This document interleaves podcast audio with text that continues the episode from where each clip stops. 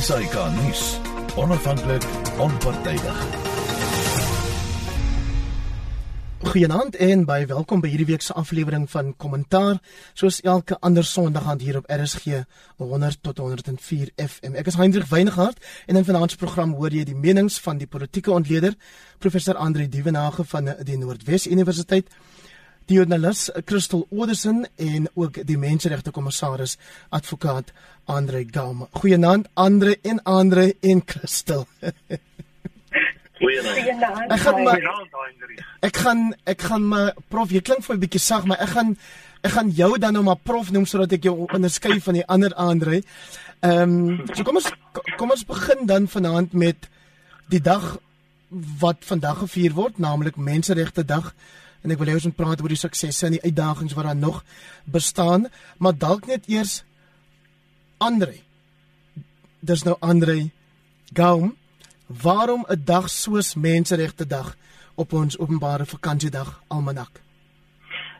Dankie Hendrik. Ek dink Menseregte Dag is 'n dag vir ons as 'n nasie om bestek op te neem oor ons vordering om menseregte te bevorder en beskerm En terselfdertyd dink ons natuurlik terug aan hierdie dag in 1960, een van die mees brutale dae van apartheid toe uh, eh, 69 ongewapende swart mense deur die polisie doodgeskiet is en nog 180 gewond is toe hulle vreedsaam teen die paswette by Sharpeville betoog het. En ons herinner ons daaraan dat so iets nooit weer in ons land gebeur nie en ons menseregte en ons menseregte handves is 'n skans daarteen om te verseker dat uh, dat daar die skendings tipe skendings nooit weer plaasvind.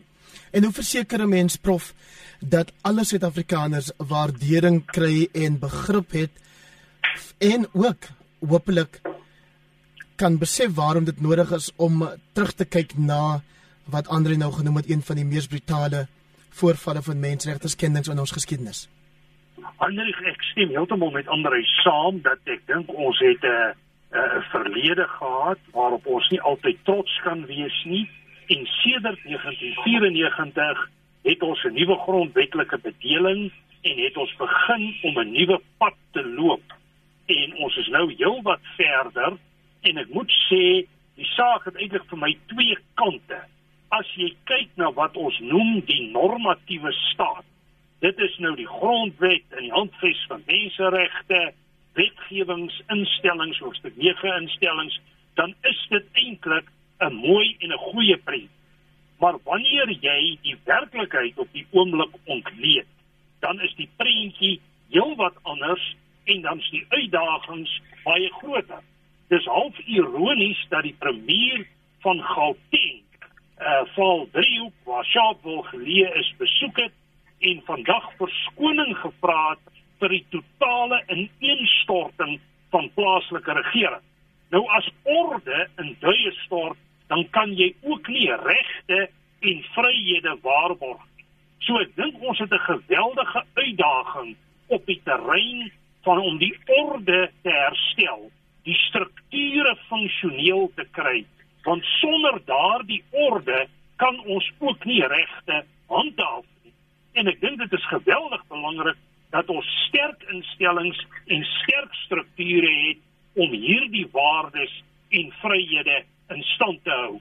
Maar op die oomblik moet ek sê is my ontleding dat hierdie orde wat eintlik hierdie regte en vryhede moet verskans ernstig bedreig word tot die mate dat daar donderdag 'n groep van 337 tot stand gekom het met die versoeke moontlik praat ons later daaroor mhm. dat Suid-Afrikaners moet daadkragtig die grondwet en grondwetlike waardes verdedig en dit het mense ingesluit so Sheila Sisulu en Frank Chikane Ons sal nou nou daarby uitkom en ook by van die uitdagings wat jy aan dink en na verwys het prof kan ek vir jou vra Christel die tema van vanjaar se menseregte dag is die jaar van Charlotte Matreke wie was sy sy was 'n sy was 'n baanbreker um Heinrich en ek dink dit is nou baie belangrik vir 2021 dat ons nou eintlik die jaar van Charlotte kyk het.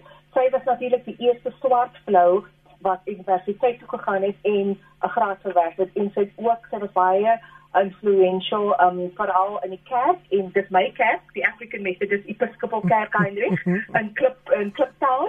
Um en so ek dink jy weet as 'n mens dink aan die huidige um stand van vroue die geweld teen vroue. Ek dink dis um die feit dat Charlotte Muteki jy weet um, verskeie jare gelede al gesien het en sy het haar lewe gewy aan die stryd vir vroueregte en onderwys dink ek jy weet is is goed dat ons die jaar aan haar onthou en wat sy gedoen het. En ek dink jy weet as 'n mens dink daar so baie vroue wat deel was van um van ons geskiedenis en so ek dink en ek hoop dat ons veel meer sal praat oor Charlotte Mteke die jaar. So vandag sien ons Andre dat COVID het eintlik ook 'n menseregte dag tema geword. Die president het daaroor gepraat. Die leier van die amptelike oppositie John Steenhuisen het sy mening daaroor gehad en dit is waar dat daar nog soveel Suid-Afrikaners wag vir om die enstof te kry. Behoort dit ook 'n menseregte kwessie te wees? Ja, ek dink dit is op verskeie maniere 'n menseregte kwessie en ek uh, dink dit is baie goed dat dit ook uh, as deel van die tema aangewend is, die bevordering van menseregte in die tyd van COVID-19.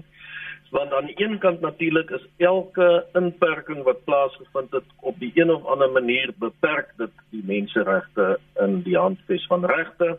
En in elke geval moet daar eintlik baie mooi die regering ook besin word of sodanige beperkings inderdaad uh, regverdigbaar is, redelik regverdigbaar is in terme van die beperkingsklausule artikel 36 van die grondwet. En so het ons nou al uh, verskeie kere gesien dat instansies of individue hof toe gegaan het en gesê het dat uh, die uh, beperkings wat geplaas is te ver gaan en nie regverdigbaar is nie. Sommige het geslaag, ander het nie daarmee geslaag nie. Maar dit dink ek is die een belangrike kwessie. Die tweede belangrike kwessie is natuurlik dat die dat COVID-19 en die gevolge daarvan ook uh in die Grendelstaat tydperk het toe dit nog erger was as nou maar steeds 'n regstreekse impak het op op mense se sosio-ekonomiese regte. Baie mense het hulle werk verloor.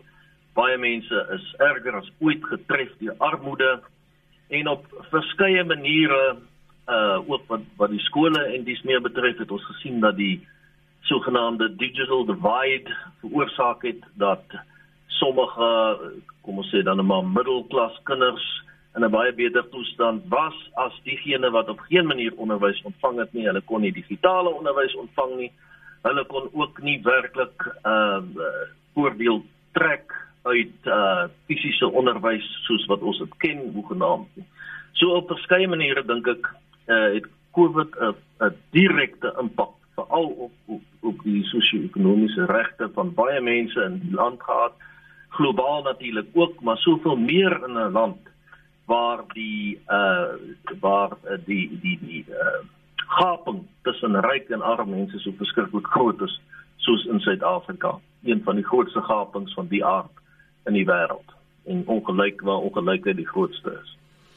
Professor die president het vir ons gesê vandag eenheid en ons verbintenis tot menseregte is wat gehelp het dat Suid-Afrikaners hierdie virus kon by die horings pak. Ja, nee, ja, absoluut. Inderdaad is inderdaad is dit so dat eh uh, die die president vir ons daardie lyn getrek het en dit is so dat ek wil sê in die algemeen het Suid-Afrikaners bymekaar gestaan en is daardie besluite geëerbiedig en het ons deur 'n moeilike tyd beweeg. Mens verskil hier en daar in opsigte van die toepassing van die besluite, maar ek dink as mens kyk na die president se aanbieding vandag, as ek net vanaand daaroor iets kan sê, het ek groot waardering vir die feit dat hy die grondwetlike regte van die demokrasie en dit wat in die Hebreër grondwet beliggaam is, gehuldig het en gesê dit is belangrik om dit te beskerm en dat Afrikaans en dat Suid-Afrikaners bymekaar moet staan ten einde hierdie pandemie aan te pak en te hanteer. Ek dink natuurlik nie ons is by die einde van hierdie pandemie nie. Daar loop reeds baie sterk gerugte van 'n derde golf en op die oomblik is sekere Europese state reeds al in 'n vorm van 'n grendelstaat. Ek dink onder meer aan Frankryk. So ek dink nie die uitdaging is verby nie, maar soos Andre ook tereg vroeër gesê het, uh, die implikasies hiervan is verrykend vir die burgery, polities, ekonomies en maatskaplik. En eintlik het dit 'n slegte situasie nog moeiliker gemaak en in opsigte moet die president krediet kry vir wat hy hier bereik het. Maar ek dink nie dis die einde van die pad. Christel, jou indrukke oor hoe ons die kwessie van COVID gehanteer het of die regering dan nou liewer um, in die konteks van van van menseregte dag? Ja, net ehm um, soos Andre gepraat het van die ehm um, die pandemie. Jy weet vir my wat nou verskriklik ehm um, jy weet ek kan nie my kop omkry nie. Ek het verwarring oor die enstofprogram. Ehm um, jy weet vir my was dit jy weet wat oral in Afrika was. Rwanda het 'n bevolking van 12 miljoen mense sy bruto binnelandse produk is 35 keer kleiner as Suid-Afrika, maar binne 2 dae die afgelope week het hulle 140 000 mense ingeënt. Suid-Afrika het 2 2 26 dae gevat om dieselfde te doen. So vir my, Heinrich, jy weet ek ek ek kan nie my kop rondom kry nie. Wat is die verwarring oor die instofprogram? Jy weet Zimbabwe langs aan ons my kollegas joernaliste, jy weet hulle het al instof gekry want hulle is nou deel um, van die uh, natuurlik die Chinese Sinovac um instof wat hulle gekry het. So jy weet ek voel net die week veral jy weet die stolte rondom die um, minister William Kizi, jy weet ons weet nie eintlik waar ons staan nie, ons weet nie wanneer die instof gaan kom ons weet natuurlik die naweek het um, jy weet van dit gekom Johnson & Johnson maar dit is wel van fase 1 So ons weet net nie waar ons staan nie. Ek dink vir my omdat ons nou, jy weet vandag is menseregte dag. Ek weet nie of ek kan menseregte dag selebreit nie want mense weet nie waar en die verwarring en die verskillende boodskappe wat ons kry. Jy weet, ek dink vir my as 'n joernalis, jy weet ek is diep geskok. Um en ek dink mense kry net nie die waarheid van ons politici nie. Andre, so hier's 'n boodskap van uh, generaal en advokaat Leonard Max wat sê Prof Andre is reg, die polisie is die eerste linie om die handves van regte te beskerm die aanwending van oordrewige geweld in sommige gevalle en die swak leierskap wat tot die agterstand van bewysstukke en DNS gelei het, is 'n skending van daardie regte. So ons weet die onafhanklike polisie direktoraat kyk gewoonlik na sulke dinge, maar daar's tog sekerlik ook 'n kwessie waaraan julle by die menseregte kommissie aandag sou gee. Ja, nee, ons kyk definitief op die oomblik daaraan die aanduidings uh van 'n wanfunksionele logistieke bestuurstelsel in die SAPS is uiters kommerwekkend aangesien dit die totale strafregstelsel in die gedrang bring en in kort beteken dit misdadigers kan wegkom met ernstige misdaad. Dit is wat dit beteken. Sodat polisielede byvoorbeeld gedwing word om self polisievoertuie reg te maak soos wat ons vandag gelees het hmm. en hulle eie vingerafdruk uh poeier kwassies, spitsbatterye en selfs uniforms te koop is werklik skriwend. Uh die SAPS erken self dat oor die 5000 voertuie stukkend of afgeskryf is. En terwyl hierdie basiese goed nie in orde is nie, word alles boonop gekroon deurdat die rekenaarstelsel blykbaar dan nou afgeskakel is wat die verkryging van die uitslae van forensiese en DNS toetse belemmer en onmoontlik maak. Die onstabiliteit in die topleierskap van die SAPS en ooglopende onmin uh, tussen die minister en die kommissaris dra duidelik ook tot hierdie probleem by. So die NRK het in die afgelope week 'n versoek vir 'n ontmoeting oor die DNS kwessie aan die kommissaris uh, van polisie Sitole gestuur. Uh, die probleem blyk egter nou na wat ons vandag gelees het in die koerante baie verder te strek as net die DNS probleme en uh, ons sal hierdie probleme uh in die volgende week as uh, as prioriteitsaak met die SAPS uh opneem.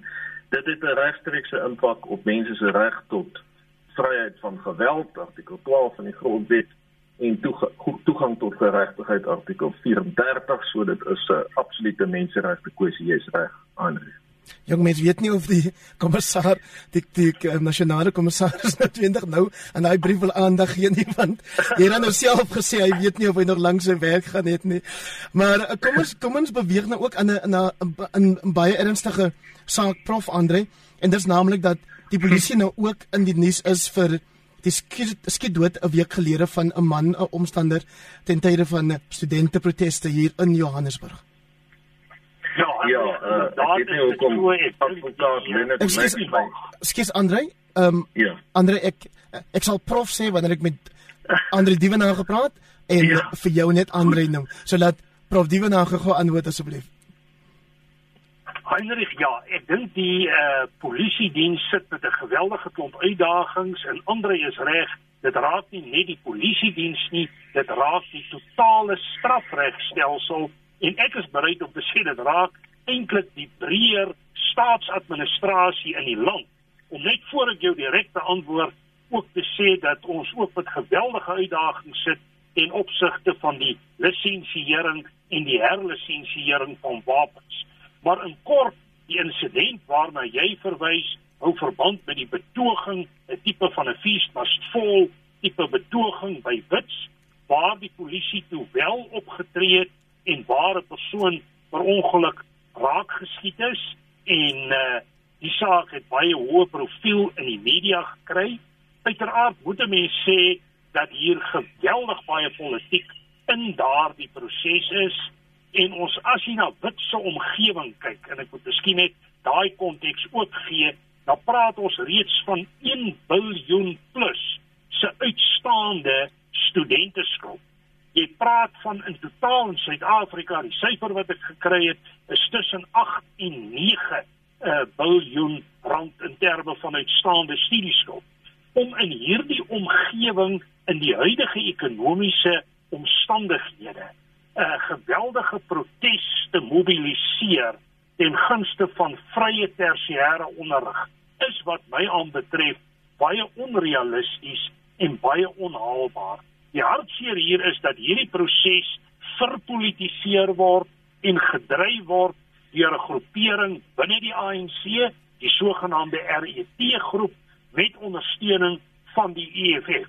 Maar om terug te kom by die polisie, dis duidelik dat die polisie nie goed toegerus is nie dat die polisie sukkel om onluste beheer na behoore te bestuur. Ons het dit destyds ook gesien rondom die hele Marikana insident en ek moet werklik sê die Suid-Afrikaanse polisie diens bevind hom in geweldige uitdagende omstandighede.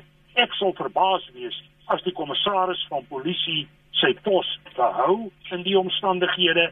Wat ek wel moet sê is dat 'n omdraai strategie hier 'n paar jaar gaan neem.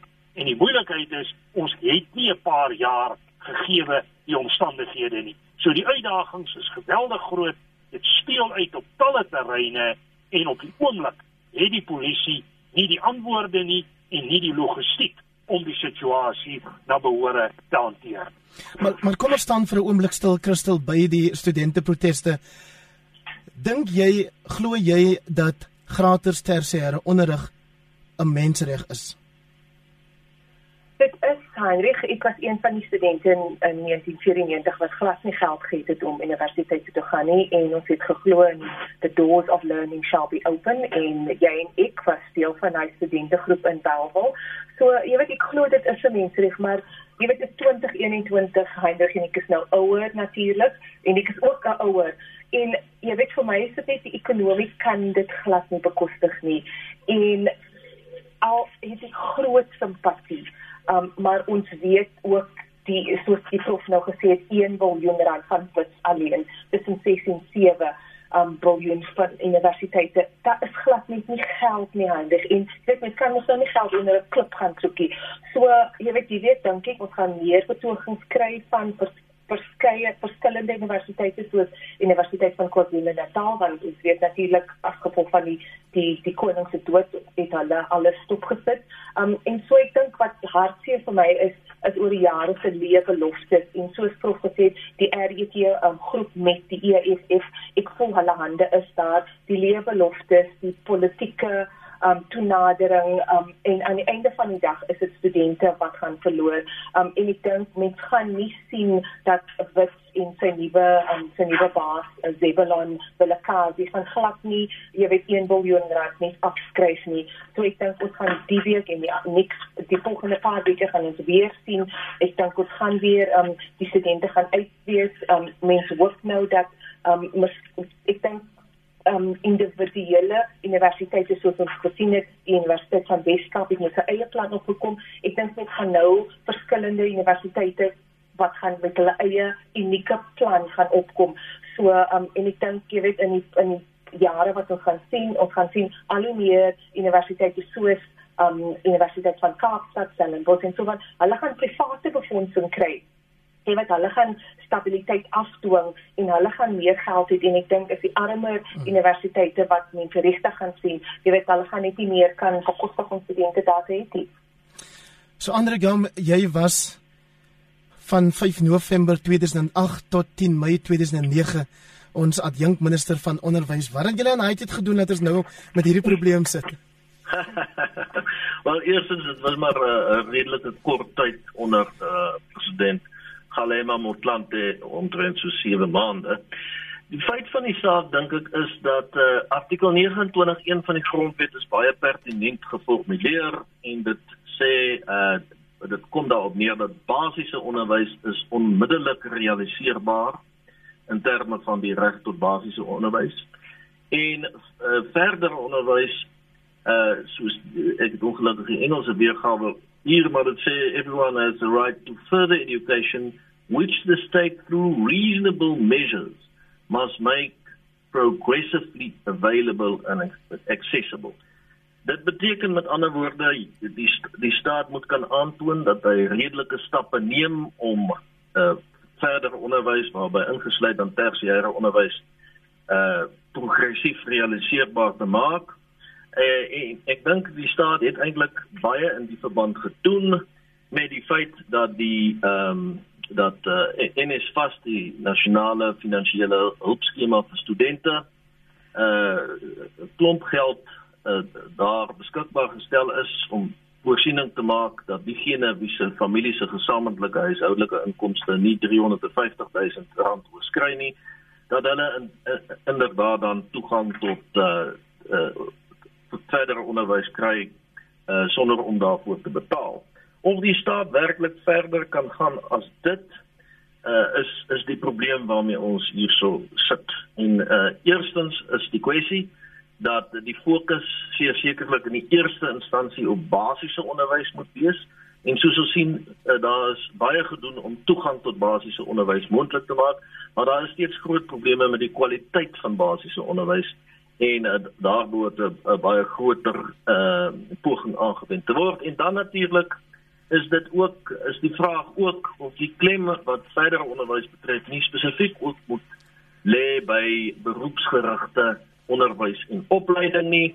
Dit is wat uh, lande soos Duitsland uh, wat uh, gesonde ekonomie het baie suksesvol maak En uh, die die vraag daarom is of die die aankondigings deur oud president Zuma in in verband met uh, uh gratis hoër onderwys of dit nie tot 'n mate misplaas was uh soos wat dit uh is nie en of die klem nie eerder in uh hierdie ander rigting soos veral beroepsgerigte onderwys en opleiding moes geval het nie om van ons 'n werklike suksesvolle ekonomie te maak. So ons het verlede week prof. Andre uh, nogal breedvoerig gesels oor die studente proteste. En ek weet nou nie of 'n uh, aanbieder homself mag aanhaal nie, maar ek het Vrydag um vir Vrye Weekblad 'n artikel geskryf waarin ek spesifiek vra wat word van verantwoordbaarheid of verantwoordelikheid en van jy weet van as jy daai studente kyk en jy hoor net hulle sê hulle wil hê hulle wil hê hulle wil hê hoe leer jy hulle dat daar ook 'n verantwoordelikheidsin ontwikkel moet word Wel Hendrik, ek dink dit is die kernvraag waaroor dit gaan en dit sny terug die ander kant van die wind van die staat is die van die universiteit. Kan die universiteit werklik die getalle wat ons reeds het na behore hanteer? Het ons die kapasiteit? Het ons die vermoë om 'n verantwoordelikheid na te kom teenoor al daardie studente? En dan praat ek van die wat reeds in die stelsel is en die wat reeds betaal. Ons moet net onthou dat die befondsingsformule stel geweldige uitdagings aan universiteite. En nou sit jy met mense wat eintlik die sogenaamde open access wil afforceer op politieke gronde. En wat my aanbetref, is dit uiters onverantwoordelik en bedreig dit van die grootste nasionale bates wat ons het in terme van tersiêre onderwys in hierdie land. Ek het ekonomiese en finansiële projeksies gesê wat as die ekonomie nie drasties verbeter nie, gaan van die universiteite in terme van die huidige model in ernstige moeilikheid wees nie ver hiervandaan nie. So kortom, die status quo self sonder die protes is reeds moeilik. Ek dink die studente tree geweldig onverantwoordelik op in hierdie verband en op 'n manier het die staat en die regering 'n verantwoordelikheid om universiteite te beskerm.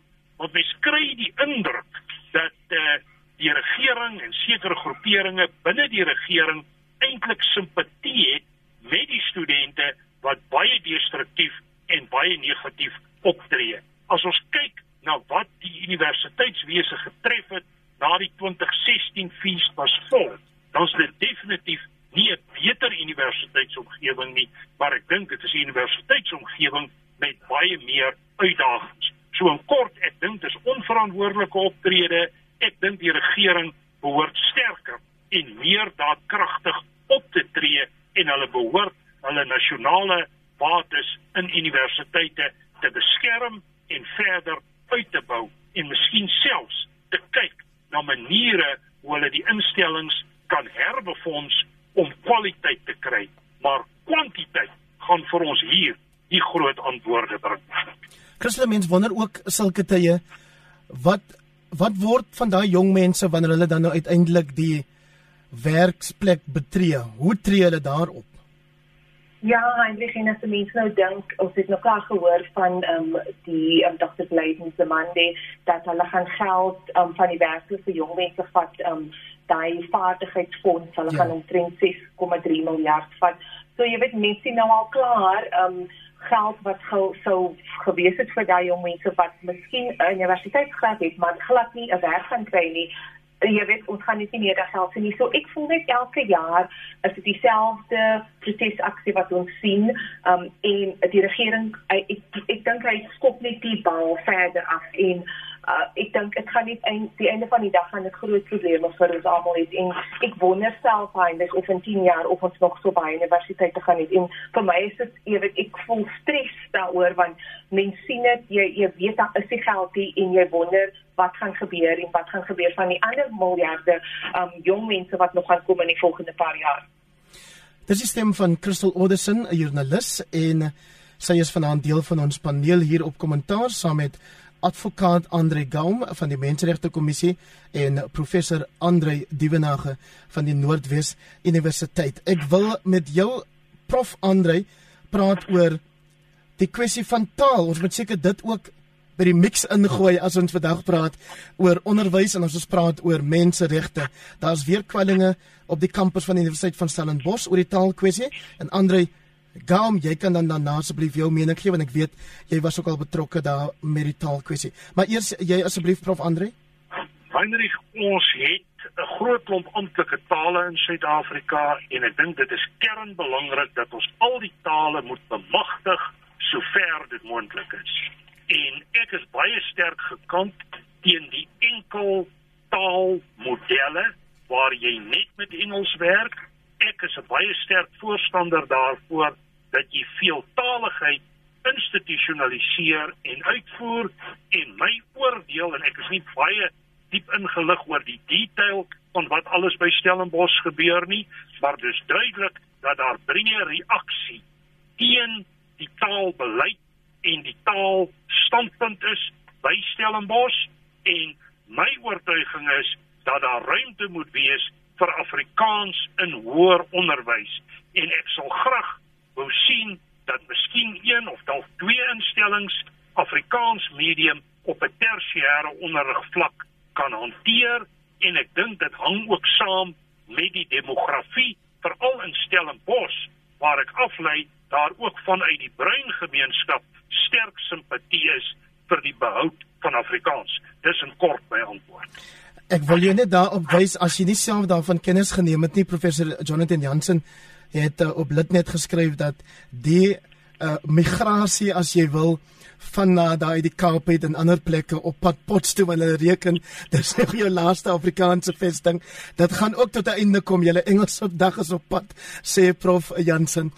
Uh, Andre Gam Ja, ek moet tot 'n mate miskien effens versigtig wees in die sin dat ons nou ook 'n klagte ontvang het, meer as een klagte met betrekking tot wat onlangs uh aan die Universiteit van Stellenbosch gebeur het, die feit dat mense gesê is hulle mag nie in private ruimtes in hulle hmm. eie koshuiskamers en op die en en en op banke buite die koshuis eers Afrikaans praat nie. So ons het ons het klagtes daaroor uh ontvang En uh, die kommissie kan ek wel sê uh, het inderdaad besluit om die aangeleentheid te ondersoek. So ons sal in kontak wees met die Universiteit van Stellenbosch en daardie verband.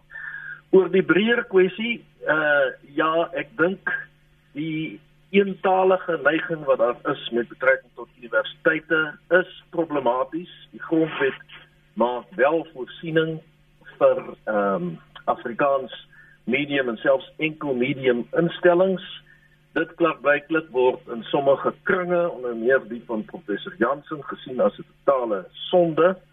Uh daar is 'n argument, sterk argument dink ek uit te maak dat Stellenbosch ideaal geplaas was en eintlik steeds is om veral uit te reik na die bruin gemeenskap, Afrikaans sprekende gemeenskap ook van die platteland om hulle te bemagtig om aan daardie universiteit te studeer. Dit wil lyk asof die die die keuse wat uitgeoefen is 'n uh, meer van 'n tipe van 'n eenvoudige, maklike keuse is en ek verstaan ook dat uh, dit veral baie Engelssprekende wit studente is wat van daardie uh, taalbeleid nou uh, ruimskoots gebruik maak.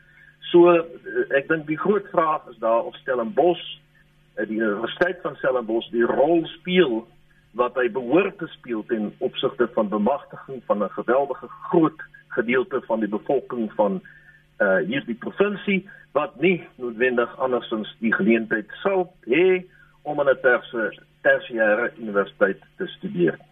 Christel het vroeër vir ons gesê jy is ook 'n ouer en uh, 'n mens sal wil weet hoe hanteer jy of hoe dink jy oor die kwessie van taal en tersiêre onderrig gegee dat jou kind op skool klaarmaak en dan moet besluit watter by watter universiteit sy aansoek doen? Kyk, Heinrich, vir my sit baie weet my ma is op die Kaapse vlakte, my tannies, my oomies is almal daar, my niggies en neefies. Hulle praat Afrikaans. Jy weet en hulle gaan praat nie Engels nie en ons optoet vandag praat ons Afrikaans, maar ek moet met ehm um, Christian Jansen saamstem wat hy sê watter mense sogenaamde brein Afrikaans sprekendes is bereid om vir die taal te veg so die groot frustrasie van al wat landgenote so ek ek sien nou eintlik dat hy um vroeër vandag in rapport geskryf het wat hy gesê het in Litnie. So vir my net die die ding is net jy weet ek gaan Afrikaans praat met my ma, met my tannies, met my niggies, jy weet vir die volgende 50 jaar. Maar soos um advokaat Gaam gesê het, dan moet jy weet ek ek wil hier universiteite so Stellenbosch of Potchefstroom moet regtig hulle moet Mitchells toe gaan en hulle moet met die graad 12 leerders wat Afrikaans eers betaal het, sê ons kan vir jou 'n plek kry by Stellenbosch of ons kan vir jou 'n plek kry by Potchefstroom. Vir my as jy die taal wil vir die volgende 50 jaar nog steeds lewend wil hê, moet jy die verskillende mense, die verskillende gemeenskappe saambring sodat mense voel dis ook hulle taal en ek dink op die oomblik voel mense glad nie so in die Heinrich Ons het nog so 5 minute, 4 minute dalk van die program oor. So Prof Andre en Andre en Christel, ek gaan julle al drie vra met so kort hou asseblief as wat julle kan. Kom ons praat oor die nuwe inisiatief Prof Andre um, wat genoem word Defend Our Constitution. Jy het vroeër daarna verwys. Waarom dink jy is dit belangrik dat daar so 'n inisiatief begin word? Ek sien iemand soos Lindiwe Mazibuko wat voorheen die DA se parlementêre leier was, is ook betrokke daarbey.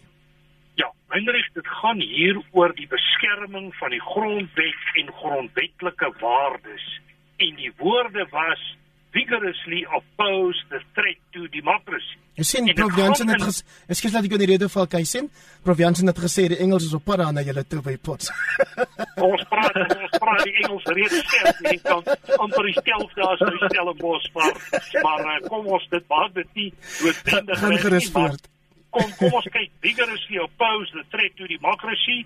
Nou ek dink dit gaan hier primêr oor Zuma versus Zondo en die uitspraak van die konstitusionele hof en meneer Zuma wat weier om uh, eintlik saam te speel in die verband en ek moet sê my breë oordeel is ook dat ons grondwetlike demokrasie uh voor baie baie groot uitdagings te staan gekom het en die die groep van 337 wat insluit mense uit kerkgroepe uit die korporatiewe sektor en so meer uh, het baie pertinent gesê dat uh, die regeringskundige funksies van instellings soos die parlement en ander nie na behore nagekom word. En daar moet groter respek vir die grondwet gekweek word en daar moet in alle opsigte gewaak word daarteen dat daar terugbeweeg word na die bedeling wat ons gehad het voor 1994. En hulle argument is ook baie sterk dat wanneer mense tot verantwoording geroep word, dan kry jy hierdie sogenaamde terugstoot effek. Uh en ek dink hierdie inisiatief is vir my 'n baie belangrike inisiatief. Sy tydsberekening is goed en ek dink dit is 'n werklike poging om menseregte en verbandhoudende regte te beskerm. Goed, Christel, jy hou Afrika baie fyner dop as die drie van van ons. Ehm um, iets oor die dalk die reaksie uit die res van Afrika uit wanneer Suid-Afrika wat nog heeltyd voorgehou is as die voorbeeldige grondwetlike land dan nou ook begin lyk of ons amper wil wankel soos wat ons gedink het net aan die ander kant van die byt, bytbrug ehm um, moontlik is. Ja, Heinrich, jy weet my um, my vriende oor in Afrika sê vir my uh, jy weet al die um, boodskappe oor waar is Suid-Afrika, jy weet dit is ons is op die see en ons, ons jy weet ons is net ons ja, ons, ons jy weet ons ons staan nie meer sterk en groot as 'n stem van mense reg op die kontinent nie. En ek dink um jy weet die week natuurlik die Tanzanië se president um as dood en so ons het daar in Tanzanië het ons nou die eerste vroue president van um van die land Zambia.